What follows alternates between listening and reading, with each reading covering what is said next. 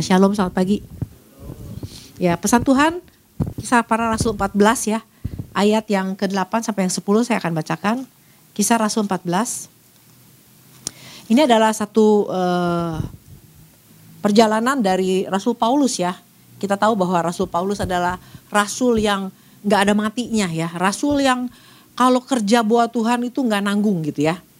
Nah, eh, ayat yang ke-8 saya bacakan di Listra ada seorang yang duduk saja karena lemah kakinya dan lumpuh sejak ia dilahirkan dan belum pernah dapat berjalan.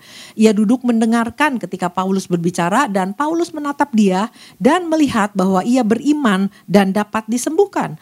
Lalu kata Paulus dengan suara nyaring berdirilah tegak di atas kakimu dan orang itu melonjak berdiri lalu berjalan kian kemari. Ini satu perbuatan yang dilakukan oleh Rasul Paulus ya yang membuat orang yang dari lahir lumpuh bisa berjalan lagi.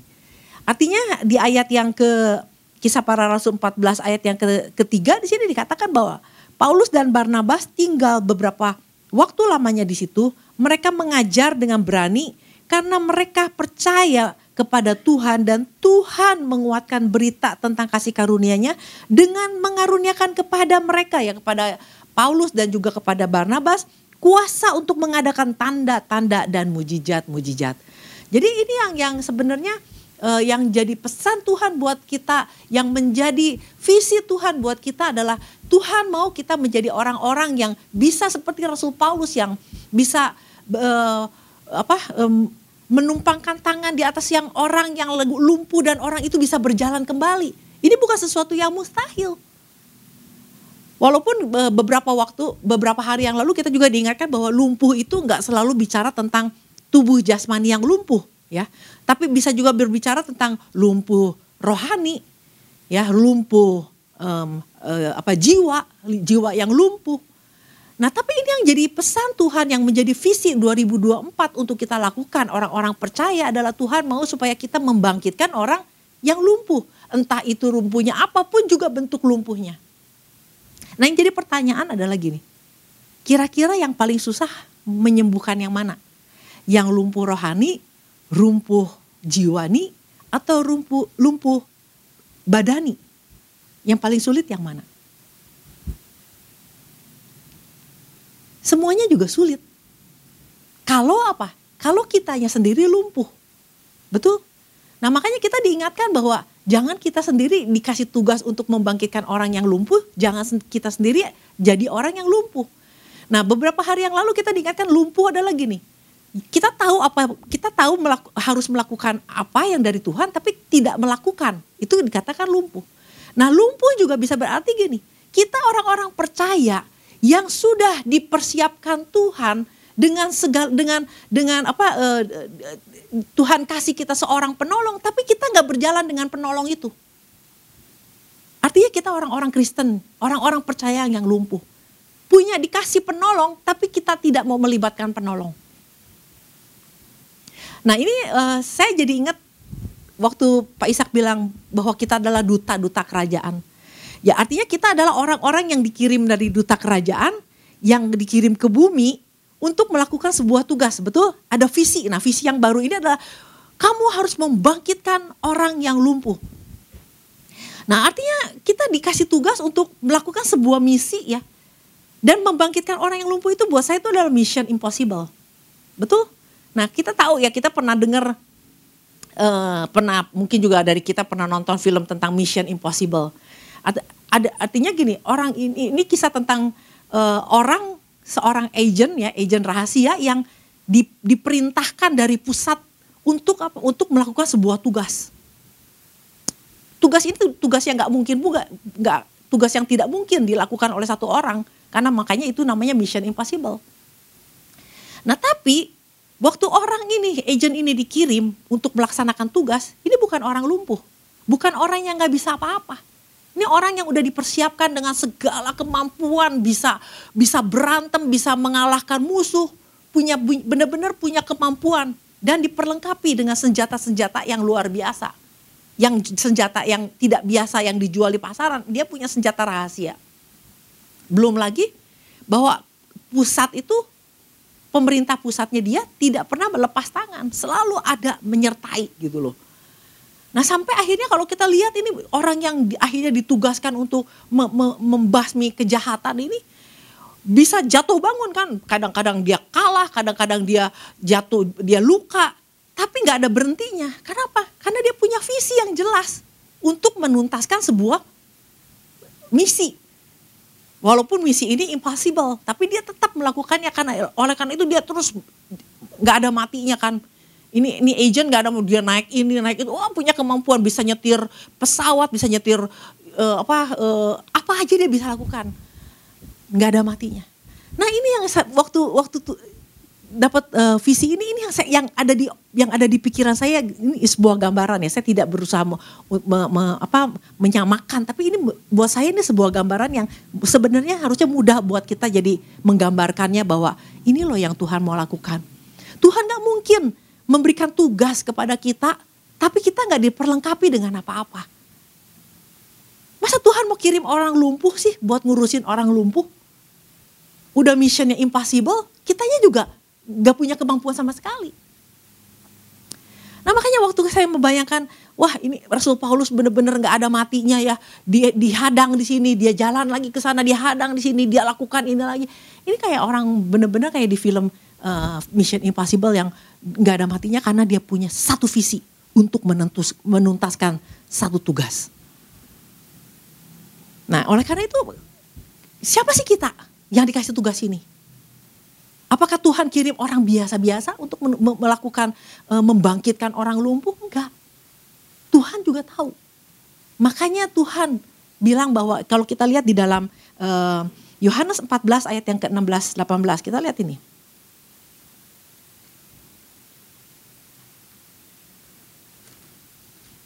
Kita tahu banget ini ayat ini ya. Yohanes 14. Ayat yang ke-16. Aku akan minta kepada Bapa dan ia akan memberikan kepadamu seorang penolong yang lain supaya ia menyertai kamu selama-lamanya. Jadi waktu Tuhan mau meninggalkan kita ya waktu waktu dia mau, mau pergi dia nggak meninggalkan kita seperti begitu aja tapi dia bilang dia kasih dia akan meminta kepada Bapak seorang penolong ya. Seorang penolong yang lain. Artinya kenapa dikatakan yang yang lain ya? Yang lain itu dalam bahasa aslinya adalah alos. Alos tuh artinya gini uh, sesuatu yang lain tetapi jenisnya sama. Sama pribadi Allah juga. Tapi berbentuk tetapi Roh Kudus bukan lagi Yesus. Nah Tuhan tahu kemampuan kita di bumi ini untuk melaksanakan tugasnya Tuhan untuk hidup di bumi ini sendiri tidak punya kemampuan apa-apa. Tuhan gak mau kita menjadi orang-orang yang yang yang kalah. Makanya Tuhan bilang, aku akan minta kepada Bapak, ya, dan ia akan memberikan kepadamu seorang penolong yang lain, supaya ia menyertai, menyertai kamu selama lamanya, selama kita ada di bumi, disertai oleh Roh Kudus. Ayat yang ke-17 dikatakan, yaitu Roh kebenaran. Dunia tidak dapat menerima dia, sebab dunia tidak melihat dia dan tidak mengenal dia. Tetapi kamu mengenal dia, sebab dia menyertai kamu dan akan diam di dalam kamu. Aku tidak akan meninggalkan kamu sebagai yatim piatu. Aku datang kembali kepadamu. Nah jadi kalau kita dikasih tugas, tapi kita tidak melibatkan roh kudus. Ini kayaknya benar-benar akan menjadi sebuah misi yang impossible.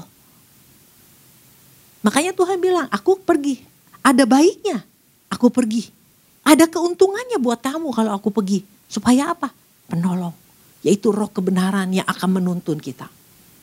Nah, lalu waktu Tuhan pergi, Yesus pergi meninggalkan dunia, lalu dia bilang, kamu akan menerima kuasa.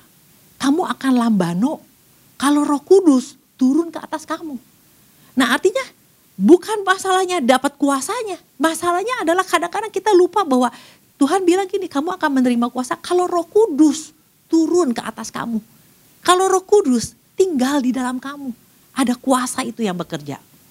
Jadi bukan cari kuasanya. Kita benar-benar harus punya satu kerinduan dan haus bahwa kita perlu roh kudus dalam hidup kita.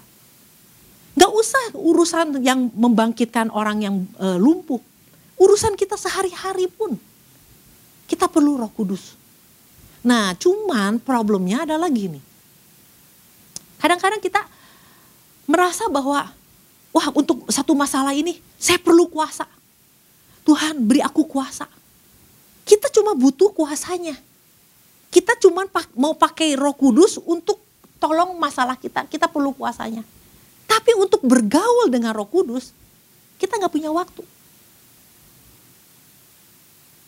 Nah, jadi jangan kita pikir, kadang-kadang banyak orang berpikir bahwa gini, oh untuk bisa berjalan dengan kuasa dan tanda-tanda mujizat, kita hanya perlu minta roh kudus, minta kuasa dari Tuhan.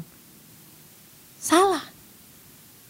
Sebenarnya bukan kita pakai roh kudus. Sebenarnya kita yang harus memberikan diri kita untuk roh kudus pakai kita. Kita memberikan diri kita untuk roh kudus pakai kita mau lakukan menumpangkan tangan di atas orang yang sakit. Kalau Roh Kudus bekerja di dalam kita, orang yang sakit bisa sembuh. Kita yang harus memberikan diri kita dipenuhi Roh Kudus setiap hari dan sampai Roh Kudus pakai kita. Kita dimanfaatin sama Roh Kudus, bukan kita memanfaatkan kuasa untuk urusan kita. Nah ini yang saling sering kali menjadi salah akhirnya apa? Yang kita kejar kuasa, kuasa, kuasa. Sedangkan Tuhan bilang kamu akan menerima kuasa. Kalau roh kudus di dalam kamu. Memenuhi kamu. Kalau roh kudus ada di dalam kamu. Kalau kamu bergaul dengan roh kudus. Maka kamu akan berjalan dengan kuasa. Karena apa? Karena roh kudus yang bekerja di dalam kita. Melalui kita. Untuk pekerjaannya Tuhan. Nah jadi selama ini kita Seringkali datang hari Selasa untuk apa? Ditumpang tangan dan kita cuma merasakan uh, apa? sensasi-sensasi. Pulang dari hari Selasa nggak ngalamin apa-apa lagi karena cuma ngalamin sensasi bukan esensinya.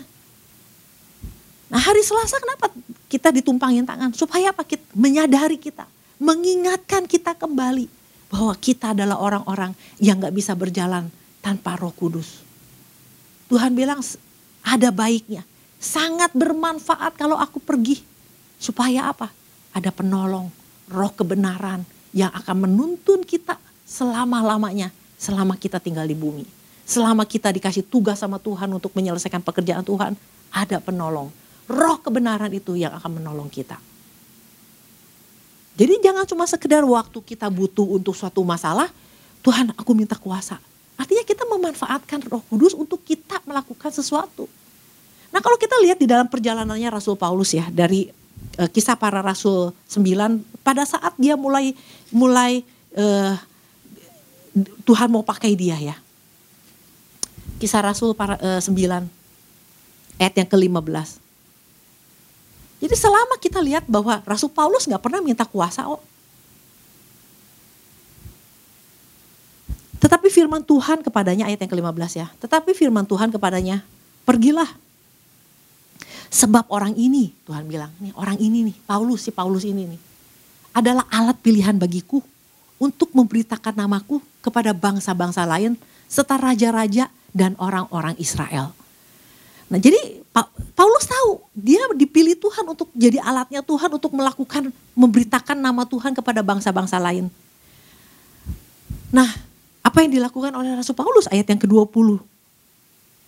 Ketika itu juga ia memberitakan Yesus di rumah-rumah ibadat dan mengatakan bahwa Yesus adalah anak Allah. Nah inilah yang namanya dimanfaatin sama Tuhan, dimanfaatin sama roh kudus. Begitu dia tahu dia adalah alat, dia mulai melangkah pergi memberitakan Yesus. Nah di situlah kuasa Tuhan bekerja Kuasa roh kudus bekerja, kuasanya. Kalau udah dimanfaatin sama roh kudus, roh kudus bilang ke kanan, ke kiri. Tumpang tangan, sembuhkan, bangkitkan, apa pun juga bisa terjadi. Kalau kita dimanfaatin sama roh kudus. Jangan memanfaatkan untuk suatu tujuan pada saat di mana detik-detik di mana kita butuh, Tuhan berikan aku kuasa, berikan aku kuasa. Nah roh kudus yang kita butuhkan ini Tuhan bilang, aku akan memberikan seorang penolong jadi bukan cuma sekedar pengen bahasa roh. Jangan kejar bahasa roh. Itu cuma tanda. Dan setelah kita penuh roh kudus, Tuhan mau kita terus terus dibangun dengan apa? Berbahasa roh. Tapi Tuhan mau kita di dalam persekutuan dengan Roh Kudus. Makanya kan kenapa di akhir ibadah selalu kiranya apa damai sejahtera Allah suka dari Roh Kudus apa damai sejahtera Allah menyertai kamu persekutuan dengan Roh Kudus. Nah, ini yang memang dari dari awal kita lihat di dalam 1 Korintus eh, 2 Korintus 13 ayat yang ke-13. Jadi memang harusnya untuk kita berjalan di dalam visinya Tuhan supaya kita nggak lumpuh, yang dibutuhkan adalah persekutuan kita dengan Roh Kudus. Bukan cuma sekedar pengen butuh bahasa roh. Ya. Kasih karunia Tuhan, 2 eh, Korintus 13. Kasih karunia Tuhan Yesus dan kasih Allah dan persekutuan roh kudus menyertai kamu. Jadi ini yang Tuhan butuhkan, yang Tuhan mau dari setiap kita adalah persekutuan sedikit-sedikit tanya Tuhan, sedikit-sedikit tanya roh kudus.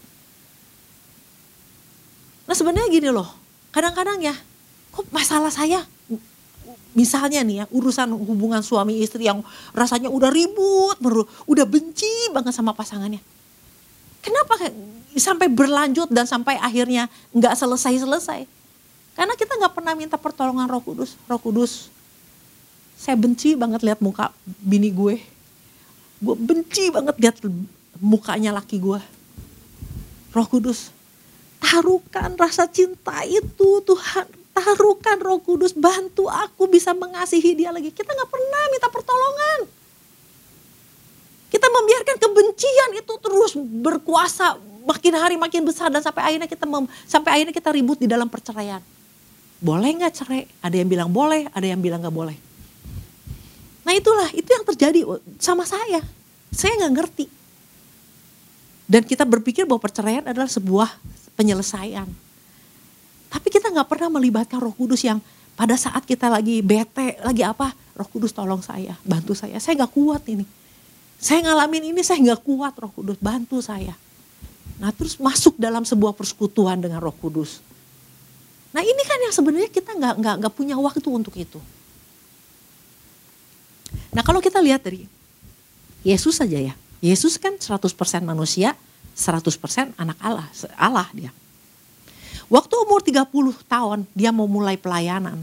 Dia datangi ras eh, apa eh, Yohanes Pembaptis, lalu dia minta dibaptis dan pada saat dia dibaptis dia dipenuhi Roh Kudus, betul?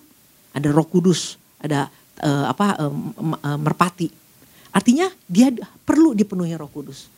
Nah, jadi jangan kita Yesus itu siapa sih? Yesus itu adalah firman Allah yang menjadi manusia. Ya, firman Allah aja masih butuh roh kudus. Untuk apa? Untuk air, untuk pelayanan. Nah setelah dia penuh roh kudus, roh kudus menuntun dia masuk ke padang gurun. Dan akhirnya ngalami kemenangan. Yesus saja perlu dipenuhi roh kudus. Perlu untuk di dalam pelayanannya dia butuh roh kudus. Nah jangan kita mengandalkan cuma sekedar kita punya firman, kita ngerti firman, kita tahu firman. Nah firman itu dari siapa sih? Alkitab ini kan inspirasinya dari roh kudus. Nah kalau kita baca firman, nggak melibatkan roh kudus, bagaimana kita bisa ngerti apa yang jadi maksudnya roh kudus? Jadi kadang-kadang kita, ayo baca Alkitab dong, satu tahun kudu habis dong, baca Alkitab satu tahun mesti habis. Iya lu baca Alkitab satu tahun habis, lu kejar tayang deh. Paham nggak? Pernah nggak melibatkan roh kudus waktu kita baca Alkitab? Maksudnya apa ya ini? Roh kudus, nggak ngerti ini gue beneran nih Tuhan. Tolong nih ini, Nah ini kadang-kadang untuk memahaminya aja sampai roh kudus bicara sama kita aja ini kadang-kadang buang waktunya lama sekali. Nah tapi waktu kita baca Alkitab Tuhan mau kita melibatkan roh kudus di dalamnya. Kita lihat di dalam Yesaya 48. Jadi yang namanya sebuah pelayanan di dalam Tuhan untuk pelayanan supranatural. Kita nggak cuma sekedar bisa mengandalkan gua ngerti firman, gua ngerti firman. Nah kalau cuma firman doang bisa lumpuh ya. Kalau cuma punya visi tapi nggak melibatkan Roh Kudus, kita bisa lumpuh. Karena nggak punya kekuatan dari dalam. Yesaya Yesaya 48 ayat yang ke-16.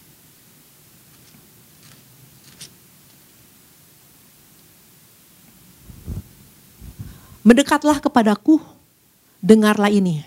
Dari dahulu, ya, dari dahulu tidak pernah aku berkata dengan sembunyi Dan pada waktu hal itu terjadi, aku ada di situ. Dan sekarang Tuhan Allah mengutus aku dengan rohnya. Jadi ada firman ya, ada, ada perkataan firman Tuhan dan juga Tuhan mengutus kita dengan rohnya. Jadi firman atau visi perkataan Tuhan dan roh itu bekerja bersama. Untuk apa? Menghasilkan sebuah pelayanan yang rohani. Pelayanan yang supranatural. Baca firman harus juga melibatkan roh kudus segala sesuatu yang kita butuhkan di dunia ini. Makanya Tuhan bilang, lebih baik. Lebih baik aku pergi. Supaya apa? Aku ada roh kudus. Roh penolong yang akan menolong kamu. Nah roh kudus itu mau kita di dalam selalu di dalam persekutuan. Sedikit-sedikit tanya. Nah waktu kita berbahasa roh, bukan cuma sekedar bahasa roh kita bunyi usyikira lalabaya lalabaya sampai berjam-jam. Tapi waktu kita berbahasa roh kita tanya, kita berkomunikasi ini sama Roh Kudus. Nanti sampai Roh Kudus ngomong di hati kita. Sampai Roh Kudus kasih tahu apa yang harus kita lakukan. Nah cuman kan kadang-kadang untuk begitunya kita nggak punya waktu. Makanya nggak makanya sulit untuk bagaimana kita mau mau e, mengerjakan visinya Tuhan ini yang yang ini dalam mission impossible kalau kita lakukan dengan kekuatan kita. Nah, ini juga berbicara buat saya gitu. Waktu saya mempersiapkan ini saya jadi menyadari bahwa iya ya. Kadang-kadang yang kita kejar cuma pengen bahasa roh. Tapi setelah kita berbahasa roh kita nggak pernah lagi pengen berkomunikasi dengan roh kudus. Tanya lebih lagi. Roh kudus. Yang kita minta selalu roh kudus minta kuasa. Tuhan minta kuasa. Kita nggak jarang kita minta roh kudus ini aku Pakai aku, bicara sama aku. Apa yang harus aku lakukan? Langkah apa yang harus aku perbuat untuk pekerjaan Tuhan, untuk visi Tuhan ini supaya bisa dilaksanakan dengan baik. Makanya kalau kita lihat perjalanan Rasul Paulus, nggak ada matinya. Ini benar-benar kayak agent rahasianya Mission Impossible ya, atau uh, apa no, uh, James Bond, nggak ada matinya tuh. Kenapa? Dia berjalan dengan visi. Ada visi yang dia gue mesti tuntaskan ini tugas. Sama dengan Rasul Paulus juga. Harus menuntaskan apa yang sudah Tuhan percayakan. Dan dia nggak berjalan sendiri. Makanya di dalam e, kisah para rasul 19. Ini yang yang Rasul Paulus ingatkan juga. Sama orang-orang pada waktu e, dia sampai di satu tempat ya. Satu kisah para kisah para rasul 19. Ayat yang kedua. Katanya kepada mereka, sudahkah kamu menerima roh kudus? Sudahkah ini menerima itu sama dengan lambano ya? Sama dengan yang tadi kisah para rasul satu ayat yang ke-8. Sudahkah kamu menerima kuasa waktu ketika Roh Kudus turun? Ini yang ditanyakan juga sama Roh sama sama Rasul Paulus karena Rasul Paulus sadar betul. Mau mau jadi orang percaya doang tanpa Roh Kudus. Nggak mungkin gitu loh. Katanya kepada mereka, sudahkah kamu menerima Roh Kudus ketika kamu menjadi percaya? Kalau kamu terima roh kudus, maka kuasa itu bekerja di dalam kita. Jangan minta kuasanya. Sudahkah kamu minta kuasa? Enggak, sudahkah kamu terima roh kudus waktu kamu menjadi percaya? Nah inilah yang Tuhan mau ingatkan kita memasuki tahun 2024 untuk sebuah visi ini. Ini visi yang gak mudah. Mengingatkan saya juga bahwa seberapakah hubungan kita sama roh kudus yang Tuhan tempatkan kita di bumi bersama dengan roh. Roh Kudus ada di bumi bersama-sama dengan kita hari ini. Untuk melaksanakan tugasnya Tuhan. Untuk melakukan, untuk menolong kita di dalam saat-saat masalah kita, kita sedang menghadapi masalah. Makanya saya sering ngomong sama anak saya juga. Mah ini gini ya gini, gini. Jangan ngomong sama mama, lu ngomong sama roh kudus. Berkali-kali saya bilang, jangan sedikit-sedikit tanya mama, tanya roh kudus. Karena roh kudus Tuhan kasih buat kita di bumi ini sebagai penolong. Kita nggak mampu. Nggak akan ada yang bisa melakukan apa-apa. Tuhan tahu banget. Nah untuk bagaimana untuk mengaktifasikan untuk supaya roh kudus bekerja di dalam kita secara luar biasa. Ya seperti Rasul Paulus. Mulai hari itu dia mulai melangkah. Murid-murid juga gitu sama. Waktu dia di, di, eh, di lantai dua Waktu dia udah ditinggalin sama roh, sama Yesus, Yesus udah naik ke surga, dia ditinggalin di situ mereka penuh Roh Kudus. Mereka nggak bersembunyi terus di lantai di lantai dua itu. Mereka mulai melangkah. Kenapa? Mereka tahu ada Roh Kudus yang menyertai mereka. Nah makanya kalau Roh Kudus ada menyertai kita maka tanda-tanda dan mujizat menyertai. Nah jangan pakai kekuatan kita sendiri dalam menghadapi apa pun juga. Karena roh Tuhan bilang adalah lebih baik aku pergi. Supaya roh penolong itu menyertai kamu selama-lamanya. Di mana? Waktu kita tinggal di bumi ini. Tuhan tahu masalah tantangan yang kita hadapi di bumi ini tidak mudah. Belum lagi kita harus melakukan visinya Tuhan. Itu nggak mudah.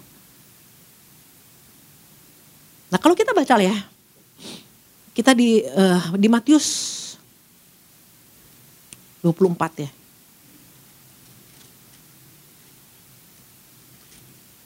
Ya, Matius 25. Ini kisah tentang gadis-gadis yang bodoh dan gadis-gadis yang bijaksana. Ya. Kalau di dalam bahasa aslinya, eh, bahasa Inggrisnya kan uh, wise, wise uh, and foolish virgin, ya virgin. Ini jadi berbicara virgin ini bicara anak-anak Tuhan, orang-orang yang tidak bergaul dengan dunia. Ya, ya mungkin kita adalah orang-orang percaya yang yang memang sudah di, dipisahkan, dikuduskan ya. Nah ini ini uh, perumpamaan ya perumpamaan ini bukan berarti bahwa oh ini ini bicara tentang perkawinan anak domba Allah. Kalau kita per, baca perkawinan anak domba Allah yang di Wahyu aja ini nggak sama. Ini sebuah per, perumpamaan. Perumpamaan tentang apa? Tentang ini loh, tentang ah, gadis-gadis orang-orang percaya yang punya uh, yang punya pelita ya pelita ini bicara tentang apa? Firman Tuhan ya. Uh, apa uh, uh, di Mazmur kan pelita itu adalah firman Tuhan. Berbicara tentang pelita dan berbicara tentang apa? Minyak. Minyak itu kan salah satunya lambang dari Roh Kudus. Nah yang bijaksana adalah orang yang punya firman dan juga punya minyak punya Roh Kudus nah yang bodoh cuman punya firman Tuhan aja, nggak punya Roh Kudus.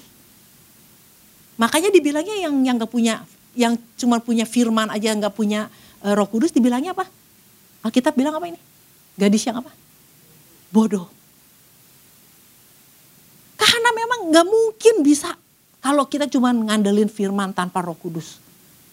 Karena Tuhan udah kasih kita seorang penolong yang akan tolong kita di dalam segala situasi. Nah, yang yang yang bijaksana adalah dia punya firman dan ada Roh Kudus.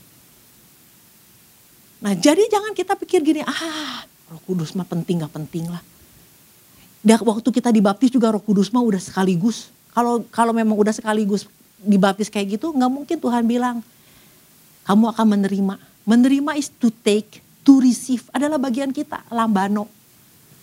Jadi nggak otomatis kita sendiri yang harus minta, yang terima Nah makanya si, si perempuan gadis yang bijaksana bilang gini, minta dong waktu detik-detik terakhir nih dia pikir uh, apa uh, rajanya udah mau datang, ayo dong bagi dong uh, apa uh, minyaknya, minta Roh Kudus. Ya nggak bisa, kamu harus pergi kepada penjualnya, kamu harus datang sama sumbernya untuk minta, untuk dipenuhi. Nggak bisa cuma asal minta gitu loh. Nah, Jangan sampai akhirnya kalau kita lihat dari kisahnya lima gadis yang bodoh dan bijaksana. Akhirnya apa? Yang bijaksana ini akhirnya dia masuk ke dalam uh, ayat yang ke-10 nih ya. Akan tetapi waktu mereka sedang pergi untuk membelinya, datanglah mempelai itu dan mereka yang telah siap sedia masuk bersama-sama dengan dia ke ruang perjamuan kawin lalu pintu ditutup. Kemudian datang juga gadis-gadis lain itu dan berkata, Tuhan, eh Tuhan, Tuhan, bukakanlah kami pintu. Tetapi ia menjawab, aku berkata kepadamu, sesungguhnya aku tidak mengenal kamu. Karena itu berjaga-jagalah, sebab kamu tidak tahu akan hari maupun akan saatnya. Jadi jangan sampai akhirnya karena kita tidak punya roh kudus yang menyertai kita, kita miss the best part. Tidak bisa masuk ke ruang uh, apa mempelai di mana ada mempelai. Hanya karena apa? Cuma punya firman tapi tidak punya kekuatan Roh Kudus. Kita akhirnya kita apa? Ketinggalan. Kita miss, kita kehilangan momen. Nah, oleh karena itu yang belum penuh Roh Kudus ya. Harus punya kerinduan. Harus kejar itu. Kejar. Karena Tuhan udah bilang, aku sengaja nih, aku pergi. Sengaja aku pergi. Supaya ada penolong. Bagaimana mau menuntaskan pekerjaan Tuhan kalau kita tidak melibatkan roh kudus? Kita akan berjalan seperti orang percaya yang lumpuh. Nggak punya kekuatan sama sekali. Dan Tuhan bukan bukan cuman iseng loh, penuh Roh Kudus dan uh, bergaul dengan Roh Kudus, berjalan bersama Roh Kudus. It's not a choice, it's a must. Bukan pilihan, kita boleh milih, boleh ah, boleh iya, boleh kagak. Makanya Rasul Paulus yang kita tahu pelayanannya dia luar biasa aja. Waktu dia ketemu orang-orang percaya. Yang dia tanyain pertama kali apa? Sudahkah kamu terima roh kudus? Sudahkah kamu terima roh kudus? Waktu kamu percaya. Segitu pentingnya. Nah oleh karena itu biarlah melalui pesan Tuhan ini kita sama-sama belajar. Jangan kita dikasih tugas yang memang tidak mudah tugasnya ini. Tapi kitanya lumpuh. Lebih susah lagi kalau kita lumpuh. Nah biarlah tahun yang memasuki tahun yang baru. Dari hari ini kita melibatkan roh kudus dalam segala hal. Kita punya kerinduan untuk tanya, untuk bergaul. Nah caranya bergaul dengan roh kudus gimana? Baca firman. Baca firman. Nah di waktu kita baca firman, kita lagi bergaul sama roh kudus. Nah kadang-kadang orang gimana sih caranya bergaul sama roh kudus? Baca firman. Di situ kita bisa tanya.